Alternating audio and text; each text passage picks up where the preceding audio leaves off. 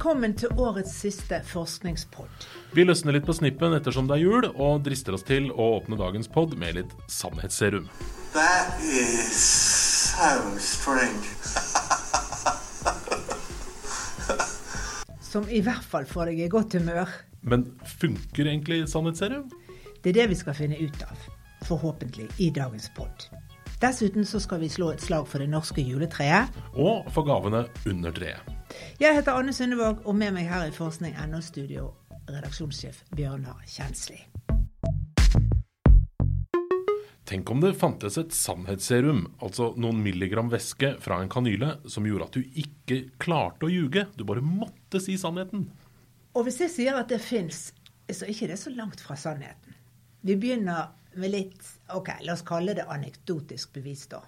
Michael Mosley er en BBC-journalist som i 2013 bestemte seg for å teste et barbiturat som flere av verdens etterretningsorganisasjoner har eksperimentert med opp gjennom tidene.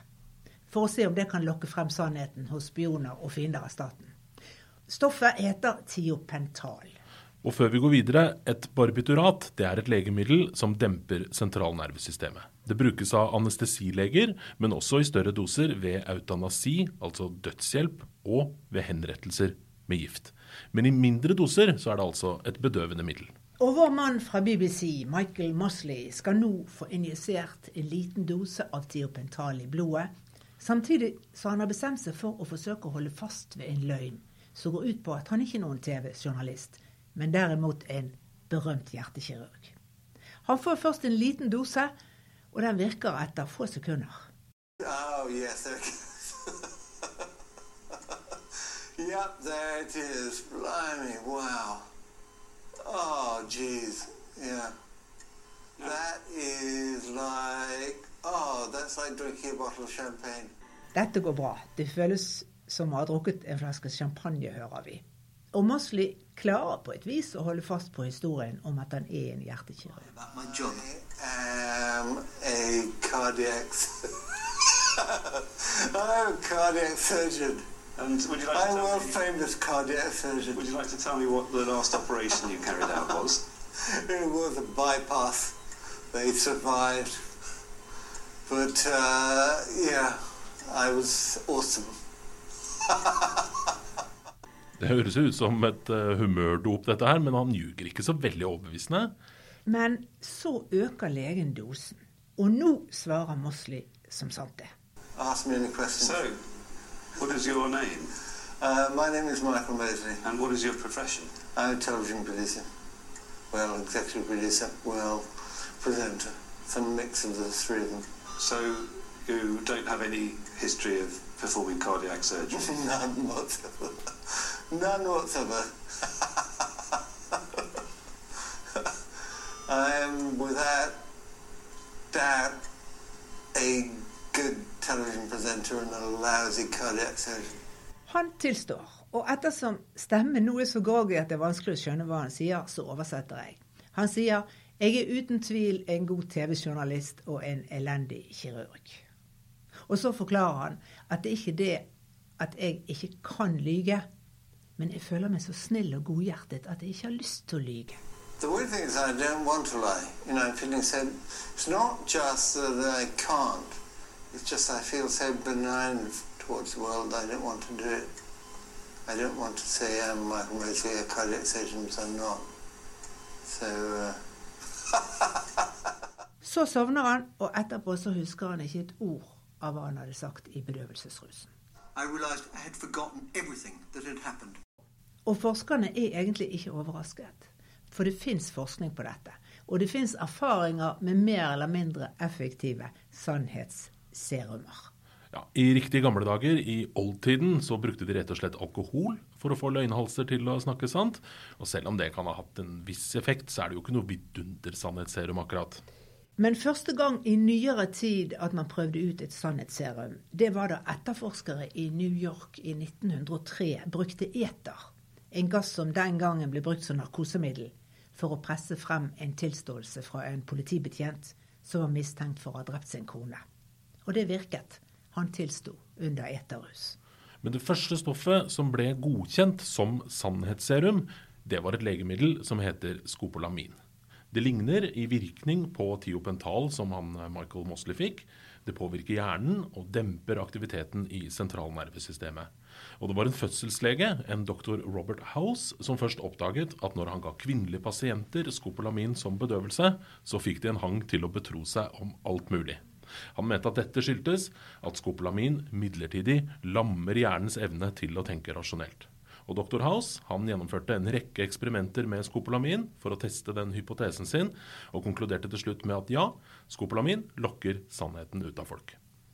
Og hypotesen ble så testet ut i 1922 i Dallas i Texas, der to dømte fanger frivillig gikk med på å ta skopolamin for å bevise sin uskyld. Og de hørtes så oppriktige ut i skopolaminrus at de ble frikjent. En av fangene sa det sånn. Da jeg kom til meg selv, så gikk det opp for meg at jeg under seansen fikk lyst til å svare på alt jeg ble spurt om. Og at jeg bare svarte automatisk sant, uten å tenke meg om. Og det er jo ikke ulikt det Michael Mosley opplevde. Nei, og den danske farmakologen Jesper Andreassen mener at denne virkningen av tiopental og skopolamin og lignende stoffer skyldes at de rett og slett svekker konsentrasjonsevnen. Og ettersom sannheten er mye lettere å huske enn en løgn, så ligger sannheten på tunga under rusen. Når du skal ljuge, da må du konstruere en parallell virkelighet. Og hvis du har problemer med å få hjernen til å funke, da detter løgnen ifra hverandre, sier Andreassen til nettstedet vitenskap.dk. Skopolamin ble faktisk brukt som sannhetsserum i flere rettssaker i USA etter 1922. Men bruken var omstridt, og ti år seinere, da var det slutt. Da klarte motstanderne å få en rettsavgjørelse på at bruken av sannhetsserum bryter med retten til ikke å uttale seg. The right to remain silent, som det heter i alle amerikanske krimfilmer. Men siden den gang så har CIA og flere andre etterretningstjenester prøvd seg med sannhetsserum. CIA har også gjort forsøk med LSD på uvitende forsøkspersoner, og sies å ha ødelagt mange liv, for hos noen så utløser LSD psykose. Og I Sovjetunionen så ryktes det at KGB brukte et stoff med kodenavn SP17 både for å få mistenkte til å tilstå under avhør, og for å teste om agentene deres var lojale. SP17 det skal ha vært effektivt og helt umulig å oppdage, for det hadde ikke noe smak eller lukt eller farge. Og etterpå så huska ikke ofrene noe av det som hadde skjedd. Ja, og Det må jo være en veldig fordel da, for de som gjør dette sannhetsserumet. Og, og, det er faktisk i bruk fortsatt i noen land i dag. I 2008 brukte forhørslederne i det indiske politiet et ikke-identifisert stoff for å få hektet en mann som sto bak et terrorangrep i Mumbai, f.eks. Men å bruke kjemiske stoffer for å få folk til å snakke, det er ikke stuerent. Det er stemplet som uetisk i folkeretten og klassifisert som en form for tortur, faktisk. Ja, og Det kan kanskje forklare at forskninga på sannhetsserum er mangelfull, og det er så langt ikke noe vitenskapelig dokumentert at noe stoff fungerer som et effektivt sannhetsserum.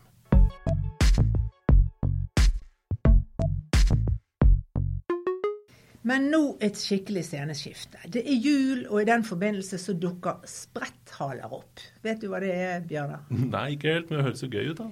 Hvis jeg i samme andedrag sier støvlus, møll, midd, gallemygglarver og parasittvepser, ja, da er vi i insektenes verden, ikke sant? Ja. Hvis jeg legger til edderkopper, biller og teger, så er bildet av det yrende livet i juletreet ditt komplett. Vi snakker titusenvis av små kryp fordelt på et femtitalls ulike arter som blir med juletreet på lasset inn i stuen din. Og som går i støvsugeren 13. dag i jul. Og alt dette her det skjer ganske ubemerket, for de er jo bitte små disse krypene. Noen trenger du til og med mikroskop for å se. Men hvis du er heldig, eller uheldig kanskje, så kan du spotte noen i vinduskarmen. For noen av de har vinger og vil prøve å komme seg ut av den varme stuen din. Du kan også ta et hvitt laken og riste juletreet over det hvis du har behov for å ta denne kolleksjonen av småkryp nærmere i øyesyn. Men spørsmålet er om alle disse insektene i juletreet egentlig er et problem. Og der kan insektprofessor Anne Sverdrup Tygesen berolige. Småkrypene de er helt ufarlige. Det er faktisk et godt tegn at det yngler litt i bartreet ditt, mener hun.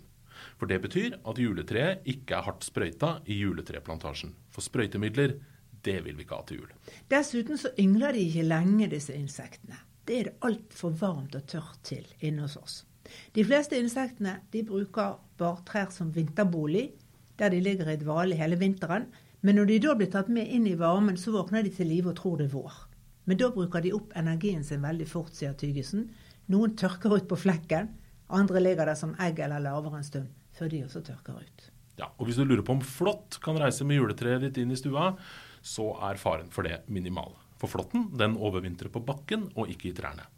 Det er riktignok rapportert om et tilfelle eller to der flåtten har lagt seg til å overvintre i et juletre likevel, og så blitt oppdaga i pelsen på et kjæledyr i jula. Men Folkehelseinstituttet de har ingen tilfeller å fortelle om der noen katt eller hund har blitt bitt av flått i jula. Når flåtten måtte våkne av dvalen i stua di, da er den altfor daff til å orke å stikke. Så fra en insektforskers synspunkt, skriver en annen insektforsker, Anders Endrestøl på forskning.no, fra hans synspunkt så er krypene i norske juletrær stort sett et koselig tilskudd fra en norsk granskog til pakken under treet. Men om vi snakker utenlandske juletrær, da er historien en ganske annen. Og vi importerer faktisk 350 000 juletrær hvert år. De fleste av de fra Danmark. Og da er faren der for at vi også importerer fremmede arter. I tillegg til eh, alle juletrærne så importerer vi også masse paradisgrønt som tuja og barlind og enebærbusker hvert år. Og her finner forskerne ved Norsk institutt for naturforskning også et yrende liv. 1500 ulike arter, eller en million insekter, telte de da de undersøkte 1% av denne importen. Så mange fremmede arter kan i verste fall følge med julegrønne planter fra kontinentet til Norge. De aller fleste dør underveis eller i stuen din. Men vi skal ikke utelukke at noen av de kan bli med juletreet ut i bakgården når det høstes. Der treet kan bli stående kanskje helt til våren. Og da er det fare for at fremmede insektsarter som vi ikke vil ha, tar seg inn i norsk natur. Godt hjulpet av mildere vintre, mener Endre Støl. For det finnes nemlig mange eksempler på at insektsarter har spredd seg til nye land med julehandelen. Et skrekkeksempel er den amerikanske skjoldlusen som kom til Karibia med juletrær av furu fra Nord-Amerika for 15 år siden. Skjoldlusen den hoppa over på lokale furuarter og førte til at 95% av den opprinnelige furuskogen døde.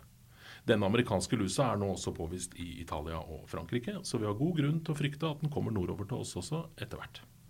Så vi slår et slag for det norske juletreet. Det utgjør også brorparten av de to millionene ekte juletrær som pryder norske stuer hver jul. Men hvis du likevel syns det er guffent med så mange småkryp rundt juletrepynten, så er insekteksperten Bjarte Jordal Vi har mange eksperter her på insekter. Hans beste råd er å kjøpe et edeltre som er dyrket i Norge. Men, sier han, ikke prøv å spyle eller vask treet for insekter. Det fører bare til at treet dør. Og for all del, ikke bruk insektspray. Det du derimot kan gjøre, ifølge skadedyrbekjemper Antisimex, det er å sette juletreet i en bod eller kjeller der det ikke er så kaldt, før du tar det inn i stua. Da kan insektene våkne til liv og bli værende der ute i boden. Bare rist treet godt før du tar det inn.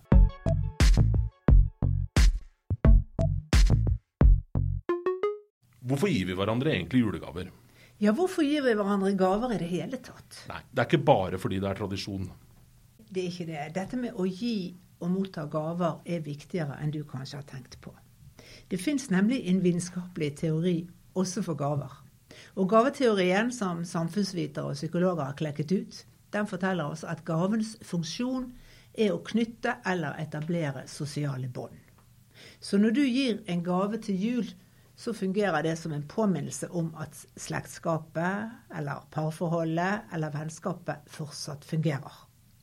I tillegg så kan en gave også fungere som et slags frieri til en person som du ønsker et nærmere forhold til.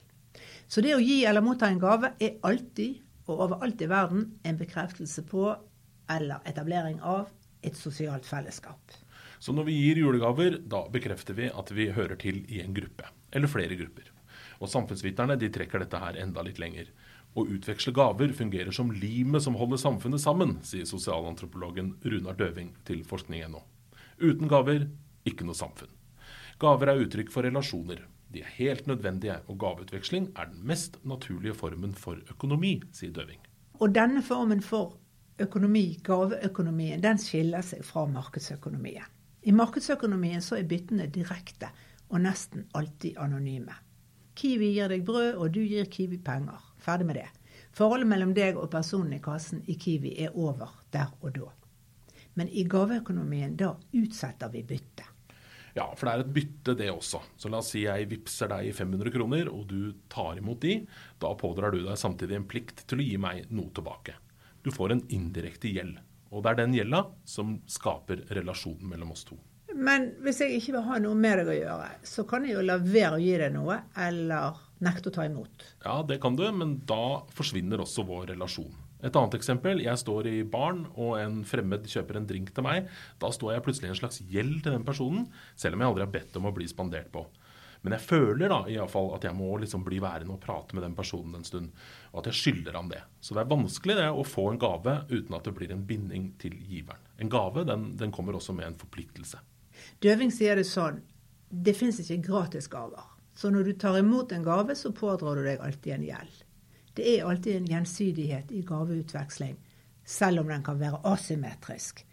Bare tenk på foreldre og barn, da. Foreldre gir jo masse og får ikke noe direkte tilbake. Men de får kjærlighet fra barna, og de får makt over sine barn. Ja, Men hva er alternativet da til, til dette systemet? Å, å ikke ta imot gaver? Da, da, slipper du den indirekte gjelda, da, men du, du, får ikke så mye venner heller. da. Nei. Men det å gi gaver kan også brukes for å manipulere eller kontrollere ved å sette mottakeren i større eller mindre takknemlighetsgjeld, sier Jan Ketil Arnulf, som er psykolog ved BI. Så i noen tilfeller bør du kanskje tenke deg om før du gir eller tar imot en gave. For hvis du ved å ta imot en gave samtidig binder deg til noe du ikke vil, eller gir fra deg noe du ikke vil, da er det ikke gøy lenger. Da får giveren et overtak, en makt over deg. Sånn sett så er dette her eh, sosiale gavesystemet egnet for psykopater som bruker gaver bevisst som en slags hersketeknikk. Så hvis noen overøser deg med store, dyre gaver, da kan du føle deg ganske underlegen. Eller enda verre.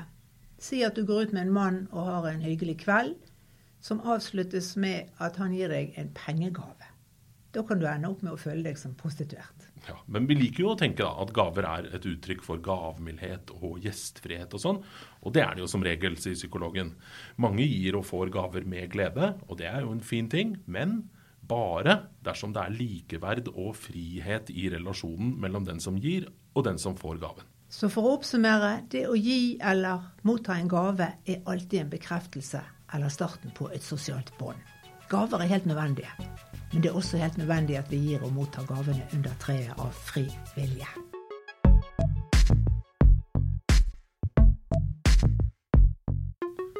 Forskningspodden den er laget for forskning.no av Anne Synnevåg og meg, Bjørnar Kjensli. God jul, alle sammen. God jul.